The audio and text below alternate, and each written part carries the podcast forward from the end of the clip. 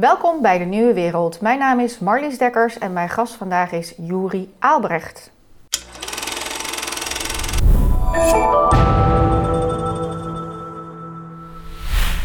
Welkom, Dank je.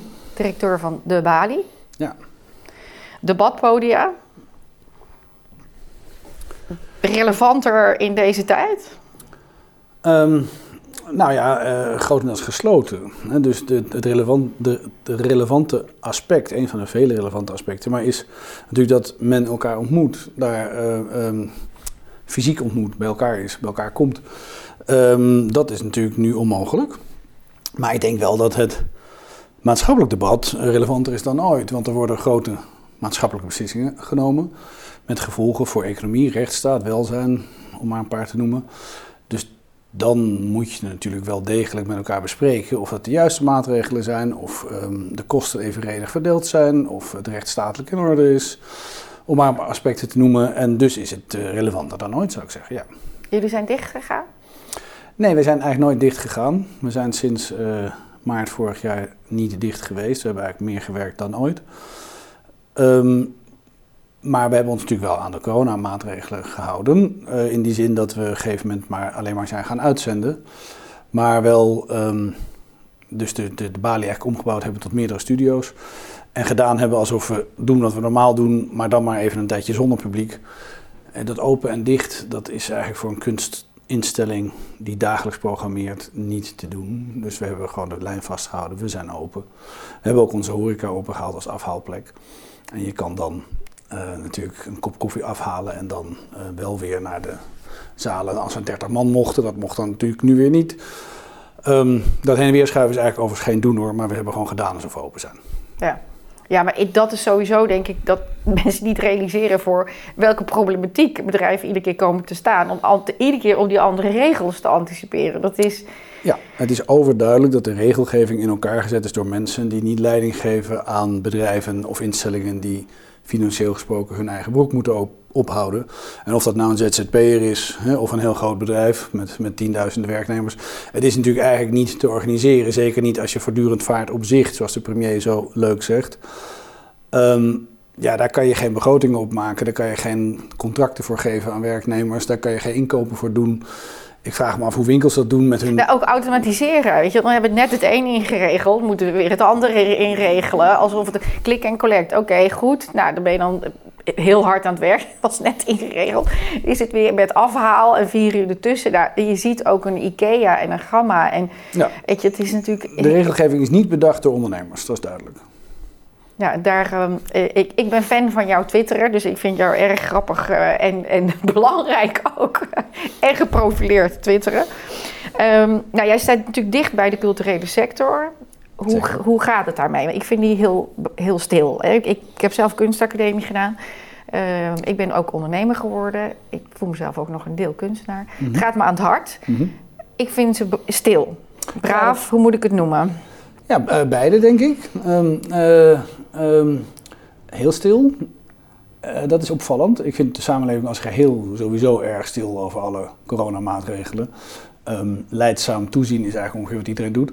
En daar is de cultuur geen uitzondering op. Je zou hopen echt dat de cultuur dat wel zou zijn, omdat daar meer mensen met een vrije geest aan het werk zijn. En misschien de functie van de kunst en cultuur natuurlijk ook is om de samenleving kritisch te begeleiden en van commentaar te voorzien. Ja, protestsongs of En, iets en dergelijks. protest en eh, absoluut allerlei dus alternatieven aan te reiken. Ik- dat gebeurt weinig. Ik denk dat dat een aantal oorzaken heeft. En de ene is dat bijna iedereen in de cultuursector, denk ik, na jarenlange bezuinigingen, begon natuurlijk bij Zijlstra en dat is eigenlijk nooit gerepareerd, ehm, zo dun op de draad geworden is dat men eigenlijk alleen nog maar bezig is met overleven. En als je aan het overleven bent, dan neemt de creativiteit af en de ruimte voor om in alternatieven te denken. Dus ik denk dat dat één aspect is. Ik denk dat ook door de voortdurende wisselen van beleid en voortdurend toch een soort van uitzicht bieden. Dat iedereen denkt, nou ja, en die zes weken die houden we wel vol. Dus dat er dat neemt de wind uit de zeilen. En dat is denk ik ook wel een beetje bewust gedaan door de regering. Voor protest natuurlijk en voor alternatieven ontwikkelen, een voorstelling ontwikkelen, of een theaterproductie ontwikkelen, of een song eh, schrijven. Want men denkt natuurlijk steeds, ach, over een week of drie hè, is het over. En dat is nu al een jaar aan de gang. Dus dat is één aspect. En het andere aspect is misschien toch ook wel dat ehm, veel delen van de cultuur erg gezagsgetrouw zijn geworden in de laatste decennia, omdat er natuurlijk een betalingsband is met de overheid. Dus ik denk dat veel kunstenaars en directeuren van kunstinstellingen zich niet vrij voelen om het beleid te kritiseren, omdat ze bang zijn dat ze Geen subsidie krijgen. Geen subsidie meer krijgen. Ja. Ja. Maar ik volg toch ook veel kunstenaars. Een aantal zijn zelfs ook mijn vrienden of kennissen. Mag ik toch wel aanhanger noemen van de maatregelen? Die zijn er ook natuurlijk. Nou, best veel. Ja, die zijn er ook. Ja, ja mensen die kennelijk het een goed idee Toch een vinden. links-progressief omarmt het behoorlijk.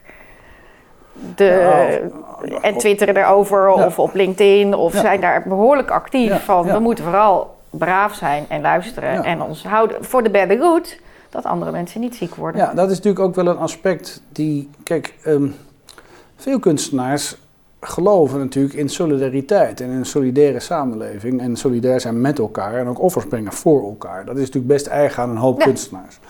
En ehm, dat is natuurlijk ook een goed ding, dat is ook een mooi ding. En zo blijft de samenleving ook bij elkaar en stevig en overeind. Dat is ook, vind ik wel, een van de aspecten aan de retoriek rondom de coronamaatregelen van het laatste jaar. Er wordt natuurlijk altijd een beroep gedaan op solidariteit.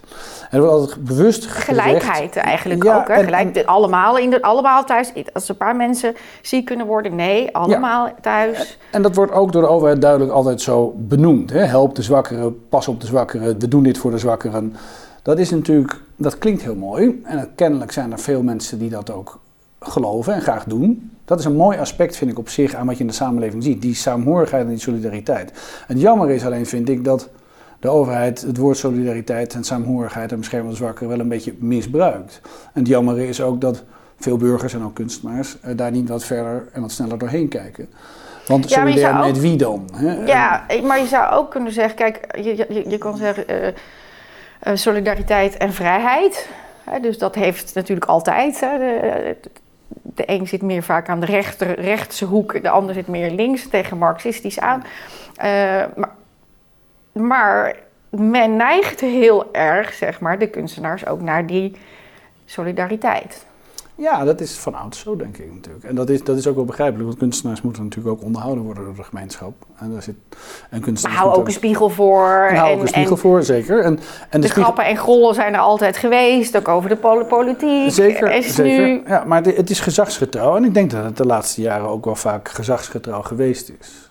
Dus dat dit, wat je Het is nu een ziet, tendens wat er al ja, was. wat je nu in coronatijd ziet, is een tendens die je natuurlijk in de kunstensector al langere tijd ziet. Dat er toch voortdurend gelet wordt op wat de overheid wil en daar niet al te hard tegenaan schoppen.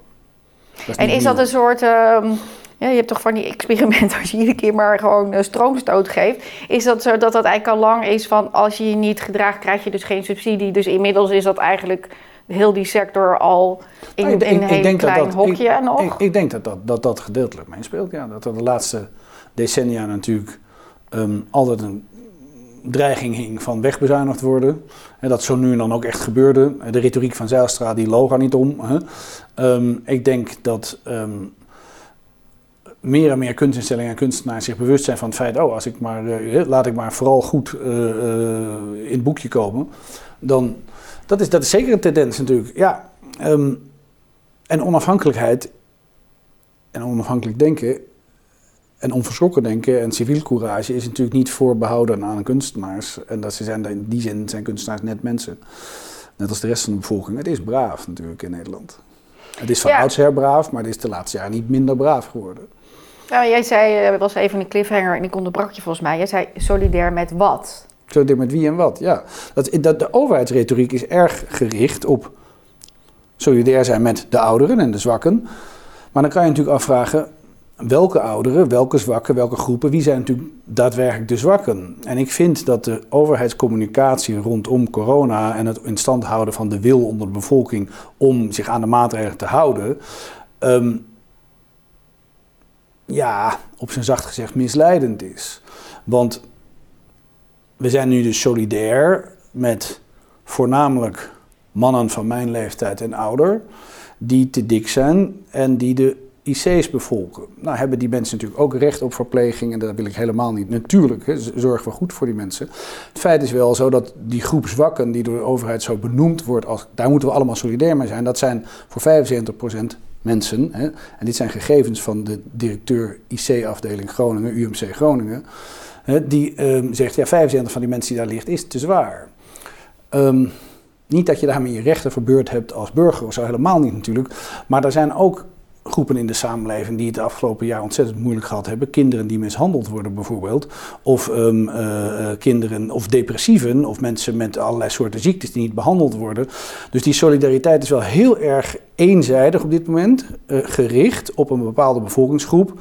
Die onder andere door zijn gedrag eerder in het leven door veel eten en veel drinken. misschien, ja, de, vraag is natuurlijk of we al die offers moeten brengen voor één groep die, waar we zo solidair mee moeten zijn.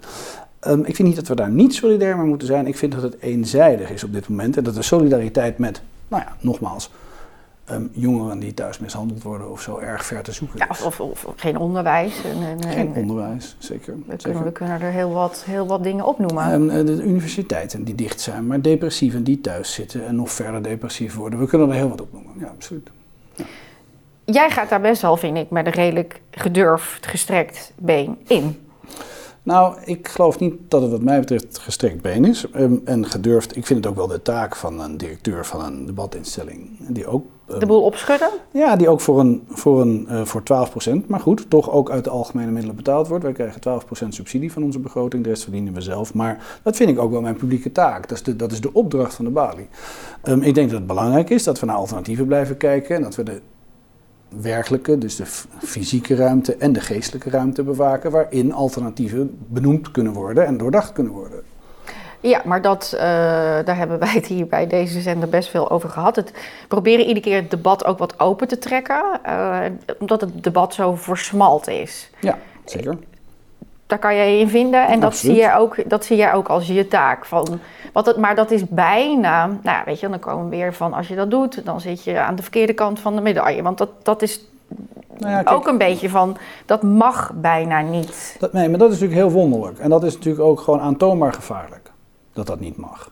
En dus dat er een publieke sfeer ontstaan is waarin men bang is om zich uit te spreken over alternatieven. En dat zijn niet de minste, waarin hoogleraren met 10 jaar standing of 20 jaar ervaring of 30 jaar ervaring op hun vakgebied zich eigenlijk niet meer vrij voelen om binnen hun vakgebied uh, te praten over alternatieven en hun vakkennis ter beschikking te stellen van de gemeenschap.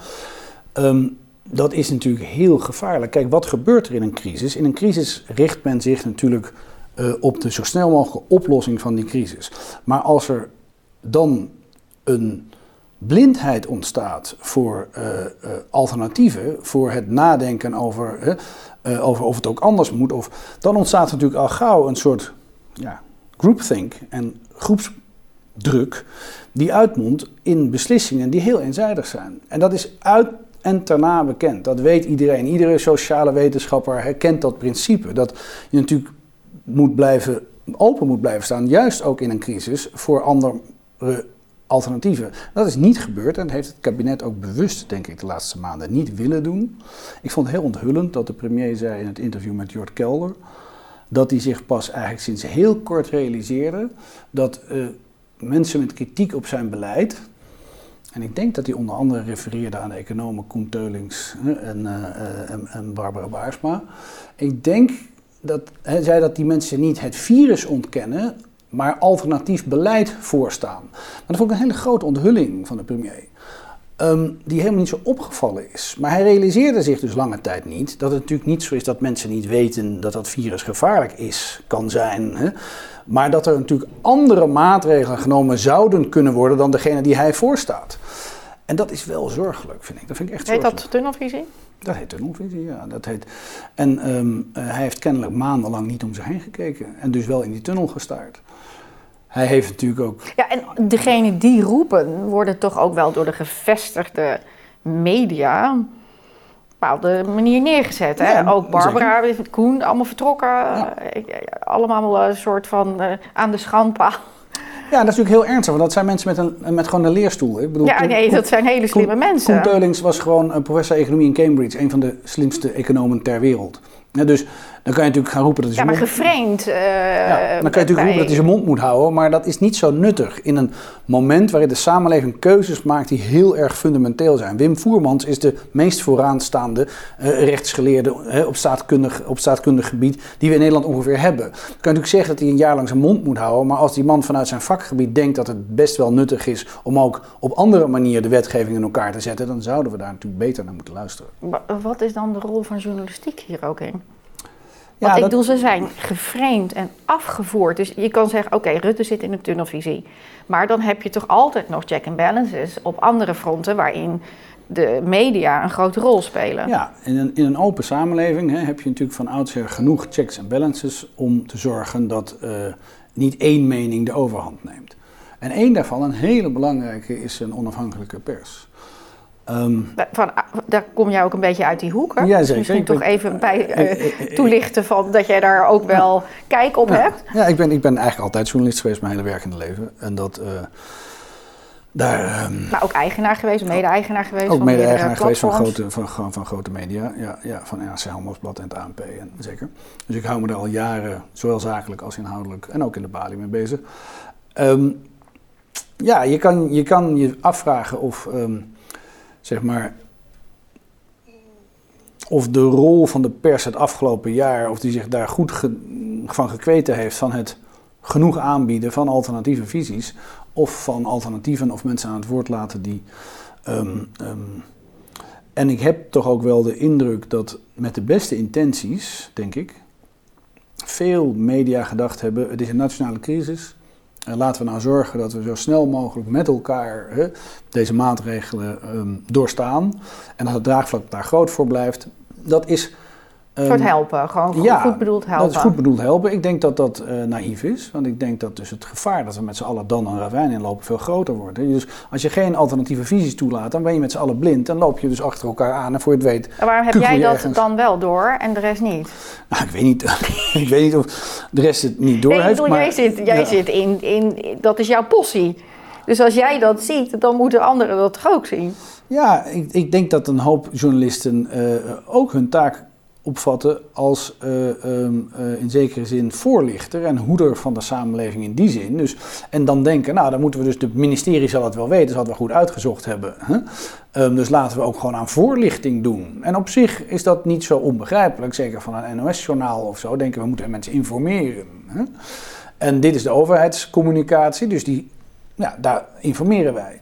De, de dynamiek daartussen is natuurlijk wel gevaarlijk. Ik bedoel, als ze zich in die zin niet kwijten van hun waakhondfunctie voor de macht. Maar Of onderzoeksjournalistiek. Maar, ja, of onderzoek, maar, maar alleen maar, zeg maar zichzelf zien als doorgeefluik van de macht, hè, van de mening van de macht of van de opdrachten van de macht. En laten we wel wezen, de regering heeft macht, want de regering heeft de macht om ons na negen uur s'avonds Ja, dat hebben we nu gezien. op te sluiten. Dus Nou ja, een hele sector te sluiten. ja, en, en eh, mensen te verbieden hun geld te verdienen. Hè, dus eh, eh, um, om, om, om honderden miljoenen die kant uit te sturen en niet die kant. Ik zou zeggen ja, we honderden hebben de macht nu gezien. We hebben dus- dit afgelopen precies, jaar dus- de macht gezien. Dus de, een van de cruciale taken van de pers is het controleren van de macht. En ik denk dat ze die taak slecht gedaan heeft het afgelopen jaar. Ja.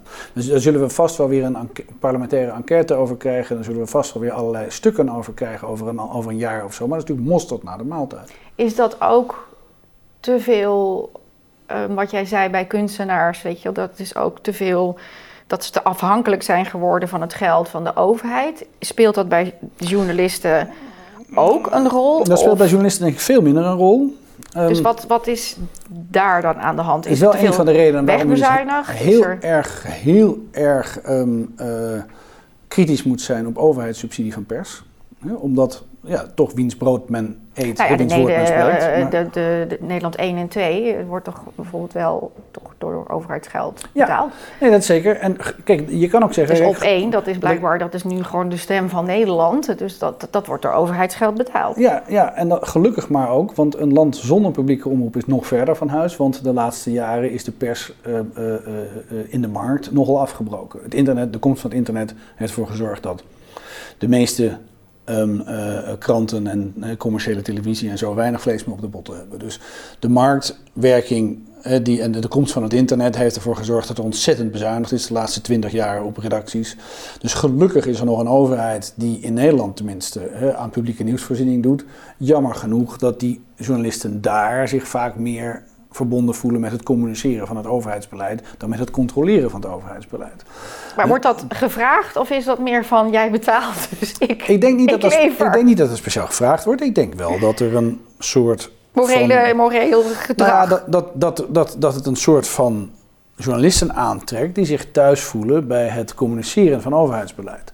De goede niet aan aangesproken, er wordt natuurlijk ook echt aan onderzoeksjournalistiek gedaan in, in de, op de NPO. Echt behoorlijk goed ook. Maar dat zijn de afdelingen waar de laatste jaren ontzettend op bezuinigd is. En omroep als Human heeft eh, goede, omroeps, eh, eh, goede onderzoeksjournalistiek. Maar die programma's zijn de laatste jaren al net gehalveerd. Ar- Argos en andere. Dus daar de goede zeker niet aan aangesproken. Maar de bezuinigingen zijn ook op de publieke omroep toegepast de laatste jaren. En eh, die zijn onevenredig zwaar neergeslagen op onderzoeksredacties. Maar degene die dus niet aan het overheidsinfuus hangen, hè, dus de, gewoon de gevestigde kranten, hebben die dan ook door online ehm, verdelen zeg maar, van, van het nieuws ehm, weg, de, de, de, de goede journalisten of onderzoeksjournalisten, of in ieder geval Ja. niet alleen maar het doorgeven, is dat, ja, het is jouw vak. Ja, nee, daar, daar, daar Dat jij speelt, het niet weet. daar speelt het, het is gedeeltelijk ook wel gewoon de mentaliteit van de journalist die kennelijk niet kritisch genoeg is. Dat is een heel belangrijk aspect van, van veel journalisten. Is het een ander Ehm, type mens eh, geworden? Dat, Nou ja, er, er- je zou ook wel kunnen zeggen dat in de journalistiek ehm, eh, ehm, het fenomeen wat elders ook is gaan spelen, zeg maar, eh, een oververtegenwoordiging van hoogopgeleiden die weinig contact hebben met de noden van mensen met een kleine beurs, hè, mensen onderin de samenleving, nieuwkomers en zo gro- groot is. Dus dat, dat de afstand erg groot is. En tussen de opleidingsgraad en de inkomende belevingswereld van journalisten en mensen die daadwerkelijk de problemen eh, eh, voelen van een crisis als deze. dat is Namelijk- wat Trump zei in Amerika ook. Dus dat was zijn kritiek, toch? Nou, zijn, zijn kritiek was meer dat de, eh, de pers eh, eh, bewust leugens verspreidde omdat ze hem niet mochten. Dat vind ik een ander soort kritiek. Maar er, er is natuurlijk. Er, ik geloof niet dat Trump het een heel groot probleem vond dat de pers niet de noden van de mensen met kleine beurzen eh, eh, kon, hè, kon verwoorden. Nou ja, hij Maar- heeft natuurlijk wel van. Hij, hij heeft zich in ieder geval wel opgeroepen om op te komen voor de kleine man. Weet ja, je niet dat, hij dat deed, Nee, maar, maar ja, dat- maar, ja, maar goed, ehm, eh, ik geloof niet dat dat, dat dat zijn probleem met de pers was. Zijn probleem met de pers was meer dat ze hem natuurlijk eh, ehm, eh, eh, achterna zaten. En dat vind ik wel weer een ander soort kritiek op de pers. Die eh, mij erg doet denken aan de fascistische kritiek. Altijd door te zeggen dat de pers alleen maar een leugenpers is. Eh, je moet ook heel erg uitkijken met de pers afschilderen als een groepering in de samenleving die helemaal leugens vertelt. Dat is zeker niet zo. Alleen zeg maar, zijn ze genoeg kritisch hè, op de macht. En daar, daar, zit, daar zit denk ik het grote probleem. En, en identificeren zich genoeg met de stukken van de samenleving die eh, nauwelijks vooruitkomen. Het is natuurlijk heel opvallend dat in Nederland ehm, eh, de kiezers onderin de samenleving, hè, die eh, kiezen voor PVV of SP, vaak afgeschilderd worden als eh, ook nog eens een keer immoreel, hè, de verkeerde mening hebben.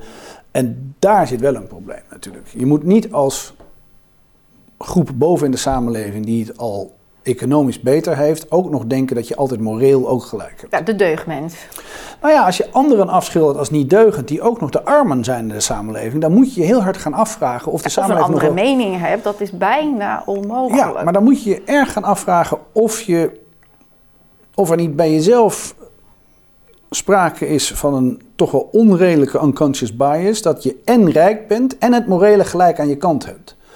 Dat, dat zou een alarmbel moeten zijn voor veel mensen in de samenleving. Wacht even, ik kijk neer op mensen op andere plekken in de samenleving en die mensen hebben meestal minder geld dan ik. Dan moet je je gaan afvragen of je privilege niet de overhand neemt in je oordeelsvermogen. En dat, dat vind je dus ook dat dat bij journalisten... Dat, is bij journalisten rol- soms ook het geval, zeker. Ja. Ja. Journalisten zijn net mensen. Er is nog een ander aspect natuurlijk. Ja, Ehm, wetenschappers ook. Wetenschappers ook. En, en, ehm, eh, maar er is nog een ander aspect aan de pers. Het, zeg maar het niet-staatsgedeelte van de pers, namelijk de commerciële pers. Die is afhankelijk steeds meer en meer van clickbait. Want dat is commercieel. Dus die moeten kijkcijfers, kijkcijfers, kijkcijfers, of klik, klik, klik scoren. En daarin zie je dat op het moment dat je sensatienieuws brengt, of in een situatie als waar we in het afgelopen jaar in geleefd hebben, waarin massale angst heerst, dat die pers natuurlijk niet alternatieve, dus de commerciële pers niet allerlei alternatieven gaat aanboren, omdat de bulk van de mensen gewoon bezig is met die cijfers die, waar ze dagelijks mee gebombardeerd worden, die, die, die, die, die, die, die angstpsychose waar de, helft van het land in geleefd heeft. Dus ook de commerciële pers heeft vaak niet de mogelijkheden, want die moeten gewoon zorgen dat er gewoon doorgeklikt wordt, om uh, kritische geluiden te laten horen. Is, en samen is dat natuurlijk best overheidspers en vrije pers, zou ik maar zeggen, marktpers. Als die allebei slecht doen, ja, dan hebben we een gevaarlijke situatie. Zijn we het daarover eens dat dat best is gebeurd? Dat is best gebeurd, absoluut. Ja, dat is slecht, dat is slecht, slecht gebeurd het laatste jaar. Er was weinig ruimte. Kijk, een andere uitspraak, the first casualty of war is the truth. En laten we wel wezen, eh, met een overheidscommunicatie die zegt letterlijk dat we de ernstigste crisis hebben sinds 1945, bevinden we ons dus in een soort van noodsituatie, een soort van oorlogssituatie, denkt men dan. En dan de eerste slachtoffer van een oorlogssituatie is de waarheid. Ja, dus dat de pers niet goed functioneert. Was daarbij, wel, is vaak Ja, was wel te verwachten, maar is heel ernstig. Maar jij hebt, jij hebt zeg maar, bij de Bali geprobeerd daar toch gewoon nog ander soort debatten te, te toch ook wat kritischer. We hebben geprobeerd om te doen wat we altijd doen en zelf te blijven nadenken. Ja. Maar was daar een safe space? Lukte dat? Durfden mensen dus ook inderdaad te praten? Uh, uh, of nou, is men inmiddels allemaal zo politiek correct en durven mensen niet eens meer het vrije woord ook in, in, toe te eigenen? Dat, dat wisselt heel erg. En ook dat is wel een tendens die natuurlijk al langer aan de gang is. Meer en meer mensen zijn bang om in de publieke ruimte zich uit te spreken over hun echte mening. Um, dat is niet iets van de afgelopen twaalf maanden, dat is iets wat al langer aan de gang is. Ja, jij, jij ziet sowieso eh, dingen zijn verdiept of verergerd, of hoe je het ook wil zeggen, maar die waren eigenlijk al aan de gang. Je kan denk ik zien dat een hoop van de dingen die we in de coronacrisis nu zien, uh, is eigenlijk het zichtbaar worden van tendensen die al langer aan de gang zijn. Dus het is een soort pressure cooker of het is een vergrootglas, of deze crisis. Um, maar zeker, je, uh, ik denk dat het opvallend was de laatste maanden dat veel mensen, politici in de eerste plaats, maar ook erg veel wetenschappers hè, en opiniemakers, zich niet vrij voelden om precies het achterste van hun tong te laten zien over de situatie waar we ons in bevinden. En um, er werd ook wel afgebeld, mensen die eerst toezeiden en later afbelden en zeiden, nou ik, ik zie het toch niet zitten. Professoren die bang waren voor het voortbestaan van hun vakgroep. Um, uit allerlei disciplines, uh, artsen die, die zich met grootst mogelijke moeite eigenlijk uitspraken. Het wordt nu eindelijk minder. het debat verbreedt zich ja, wat. Eindelijk wordt de ruimte iets. Ik denk dat meer mensen zich realiseren dat ze aan hun stand verplicht zijn als arts of als wetenschapper om zich wel uit te spreken. En dat het ook te lang duurt, het zwijgen al te lang duurt, dat mensen denken, nou ja, dan in vredesnaam dan maar uh, toch de publieke toren trotseren en wel maar uitspreken. En hoe vind jij de, de, de, de, verkiezingen zijn net geweest? Ja. De, de vermenging zeg maar daar met de media, de verkiezingen. Daar heb je ook wel wat je mening over uh, geformuleerd eh, op Twitter. Dus ik was benieuwd wat jij, hoe jij dat ziet. De, de, de, de, de uitslag van de verkiezingen, bedoel je dan? Ja. Ja, oeh, er is ontzettend veel over te zeggen. Want het is natuurlijk heel kort geleden. Um, uh, ja, maar hebben de media daar zeg maar ook een sturende rol in gehad? Uh, ja, de, ja, god, de media hebben altijd een sturende rol in de uitslag van verkiezingen. Um, kijk, aan wie je aandacht besteedt en aan wie niet, dat maakt uit.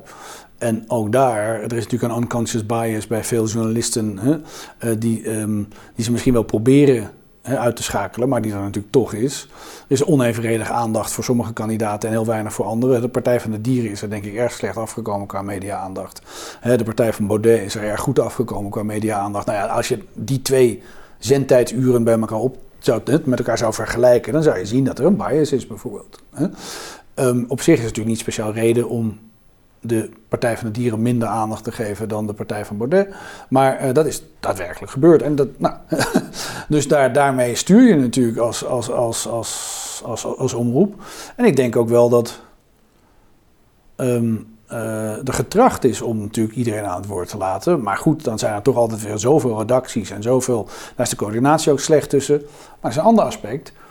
We hebben natuurlijk het laatste jaar om de 14 dagen een persconferentie gehad. waarin de premier, die ook verkiesbaar was, um, voortdurend uh, zeer positief in beeld kwam. Um, uh, langdurig, waar miljoenen ja, zeer zeer positief, dat is. Dat nou ja, de een zal dat vinden, de ander zal dat minder Laten vinden. we wel wezen, er werd geen kritische vraag gesteld door, het, door ja. de pers die daar Door aanwezig pers, was. ja. Eh, Mark Rutte doet het altijd buitengewoon goed, vind ik. In ieder geval, de performance van hem is, is overtuigend, is rustgevend, is, daar is hij gewoon goed in, dat doet hij knap. Eh, ik denk ook, dus, dus, dus, dus hij is net een jaar lang eigenlijk hè, om de 14 dagen voor een miljoenen publiek aan de leiding geweest, ook in verkiezingstijd. Eh, de onevenredige aandacht. Ja, en dan kan je natuurlijk zeggen, ja, dat kon niet anders, want het was crisis. Nou ja, die persconferenties had je ook anders kunnen vormgeven. Ehm, je had ook dat kunnen communiceren met overheidscommunicatie online. En je had ook anderen dat kunnen laten. Je had ook kunnen zeggen, we nemen een embargo acht weken of twee- drie maanden van tevoren. Dan mogen de zittende machthebbers niet meer dat soort persconferenties doen. Het is heel opvallend. Kijk, ehm, in je hebt die, die organisatie van- in Europa voor waarnemers bij verkiezingen, de OVSE doet dat. hè, eh, Organisatie voor Vrede en Samenwerking in Europa. En die controleert verkiezingen in landen als Moldavië en zo. En een van de echte vaste dingen op de checklist is hoeveel is de machthebber zelf op de staatsomroep in beeld. En als dat onevenredig veel is, dan is die, zijn die verkiezingen worden gekwalificeerd als minder democratisch of als niet democratisch.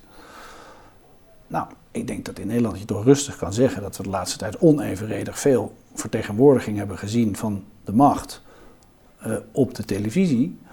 Eh, en dat die zendtijd dus onevenredig verdeeld was. En dat is democratisch gesproken niet vanzelfsprekend, vind ik. Daar moeten we ze even ons bij ons achter de oren krabben. Ja, ja, ja. Dat- We hebben daar ook helemaal geen wetgeving voor. We hebben in Nederland een tamelijk naïeve democratie. We hebben geen wetgeving over financiering van partijen. We hebben geen wetgeving over het verdelen van de zendtijd of de aandacht in de pers. We hebben Ik vind het ook wel prettig dat we ook eens een keer iets niet geregeld Nee. hebben in dit dat, overgereguleerd dat, dat, land. dat kan je ook zeggen natuurlijk. Dat kan je ook zeggen totdat je je gaat afvragen of daar niet ook op een bepaalde manier misbruik van gemaakt wordt. Ja, ik weet ook niet of dat soort reguleringen allemaal meteen nodig is, maar het is wel opvallend Dat het hier niet op dat gebeurt. het in Nederland niet zo. In andere landen heb je embargo's en zo tot, hè, tot aan de verkiezingen, ook voor peilingen bijvoorbeeld. Food for thought. Ja. Jullie zijn open gebleven, eh, zei je, als, omdat je dat belangrijk vond. Ja. De universiteiten zijn allemaal dicht gegaan. Ja, ja. Wat vind je daarvan? Ja, nou ja, kijk. Het is ook zo'n mooie uitspraak. Hè? If, if you think education is expensive, try ignorance. Het is natuurlijk heel gek dat we decennia lang geroepen hebben dat investeringen in onderwijs het beste soort investering is, omdat het zich dubbel en dwars terugbetaalt. Hè, dat je er ook, als je er een miljard in stopt, dat je er meer miljard aan uitkrijgt enzovoort. Dat vind ik overigens niet de belangrijkste reden voor onderwijs. De belangrijkste reden voor onderwijs is zelfontplooiing en zelfverwezenlijking. Maar goed, er is ook een economisch aspect aan. En het is natuurlijk heel gek dat we dat gewoon een jaar dicht gedaan hebben en dat iedereen daar ook aan meegewerkt heeft. Ik vind de opstelling van de VSNU, dus de Vereniging van Samenwerking Nederlandse Universiteiten, de opstelling van de colleges van bestuur van de Nederlandse universiteiten is eigenlijk onbegrijpelijk, vind ik. Dat je zonder slag of stoot al je leerlingen dwingt en al je onderwijzend personeel om eh, alles online te doen. Alsof je, zeker in de kleinere faculteiten, niet de ruimte zou hebben om in een aula een werkgroep met tien man te doen, eh, ook met anderhalve meter. En ook, dus het is, eh, het is echt wonderlijk, nog afgezien van de geestelijke gesteldheid van de studenten die aan jou zijn toevertrouwd. En zo die moet je toch zien als een college van bestuur. Dan moet je toch zorg dragen voor de geestelijke gezondheid. En ook de ontwikkeling natuurlijk van de studenten die aan jou zijn toevertrouwd. Ik vind het, nou ja, eh, op zijn zacht gezegd wonderlijk hoe die mensen hun taakopvatting hebben ingevuld. Nou ja, kijk, eh, de ondernemers hebben continu moeten anticiperen. eh, maar één ding is, je probeert open te blijven, want je probeert geld te blijven verdienen. Ja. Ook al moet je de ene keer die regelgeving, maar binnen de marge wat dan kan, eh, probeer je het, Ja. het, het, het, te volbrengen. Ja. En- de universiteiten heb jij iets van, nou, die hebben het wel iets te veel achter op een stoel. We gaan gewoon dicht. Ja, En geen oplossingen gezocht. nou ja goed, ik denk dat veel onderwijs en personeel van universiteiten zich helemaal schil gewerkt heeft met online lesgeven. En dat is lastig en zwaar. En dus ik geloof wel dat daar, eh, net zoals verder ook in het onderwijs, door veel onderwijs en personeel erg hard gewerkt is. Maar ik begrijp niet goed dat je het niet je uiterste best doet om werkgroepen en ook al hoorcolleges toch in de, hoeveel aula's hebben de universiteiten? Dat ze, daar kunnen ze toch ook met kleinere groepen en er zijn erg veel studies met hele kleine groepjes. Ik begrijp best dat je met 800 man hè, inleiding recht uh, in, een, in een zaal misschien op dit moment niet bij elkaar kan komen, maar bij, bij de werkgroep Hongaars kan je toch gewoon met die paar mensen samenkomen in een grote zaal. Onbegrijpelijk vind ik dat. Contactmomenten die je helemaal wegsnijdt. Nou, ik heb zelf jarenlang in Oxford les gekregen en les gegeven. Een van de belangrijkste redenen waarom Oxford een van de beste universiteiten ter wereld is, is het één op één contact tussen professor en student. Daar gebeurt het. Ja, nou, één op één had zelfs in de allerstrengste periodes het afgelopen jaar gewoon kunnen gebeuren. Eh, hoe verklaar je dit? Ik denk dat veel colleges van bestuur voornamelijk bezig geweest zijn, overigens ook veel andere instellingen, met het financieel overleven. En ja, wat te weinig gefocust hebben op de inhoud van hun taakopdracht. Niet op het product. Nee, niet, niet, niet op, uh, op, op de student. En, hè, dus het, het, inderdaad, het ja, product. Dat is toch het product, ja. ja, ja, ja. Nee, en, maar ik bedoel, dat hebben wij als ondernemers ook gemoeten. Ja, jij ook met de balie. hebben we allemaal gemoeten van, oké, het schip moet niet zinken. Hè, maar het product moet doorgang eh, zo goed en zo kwaad als het kan. Op de meest rare, vreemde manieren. Maar we zijn allemaal gechallenged om daar manieren voor te vinden. En uh, heel Nederland heeft economisch gezien hebben we lage werkeloosheid. Uh, het gaat allemaal best goed. Dus we hebben dat blijkbaar met z'n allen best goed gedaan. Ja, ja, dat zullen we zien natuurlijk als de crisis voorbij is. Maar het lijkt inderdaad best tot knap nu. hoe we het tot nu toe gedaan hebben. Um, ja, ja, nou ja dat, dat, kijk, eh, de universiteiten kregen ook natuurlijk gewoon doorbetaald. Dus um, die krijgen per student betaald. Dus nou ja, als die. Um, waarschijnlijk hebben ze. Uh, het is nou ja, want dat zeg jij, ze hebben vooral financieel overeind moeten blijven. Ik denk, ja, dat, dat geld is gewoon blijven komen. Dat is, ja, nee, dat, is bij ons als bedrijf niet. Daar hebben ze, dat, ben ik helemaal met je eens. En daar hebben ze dus- zich op gefocust. En het is wonderlijk. Ja, maar focus, dat, geld werd al overgemaakt. Dus dat, en ze hebben zich kennelijk als het braafste jongetje van de klas... Um, um, braver opgesteld dan de regelgeving uh, ze voorschreef. Hè? Je had natuurlijk best uh, uh, samen kunnen komen in werkgroepen, mits je anderhalve meter doet. Um, en desnoods in parken. En nou ja, als het regent minder, maar dat was ook wel. Dus het is. Nou, wat sportscholen bijvoorbeeld allemaal hebben gedaan. Hè? Ja. Dus het allemaal op creatieve manier, maar vooral het moet doorgaan. Ja, en dat is natuurlijk heel ernstig, want stel je voor dat je een tweejarige masters doet. Um, ja, dan is het gewoon weg. Dan, dan heb je, dus meer dan de helft ja. uh, daarvan uh, niet fysiek les gekregen en online en dus aan zelfstudie gedaan.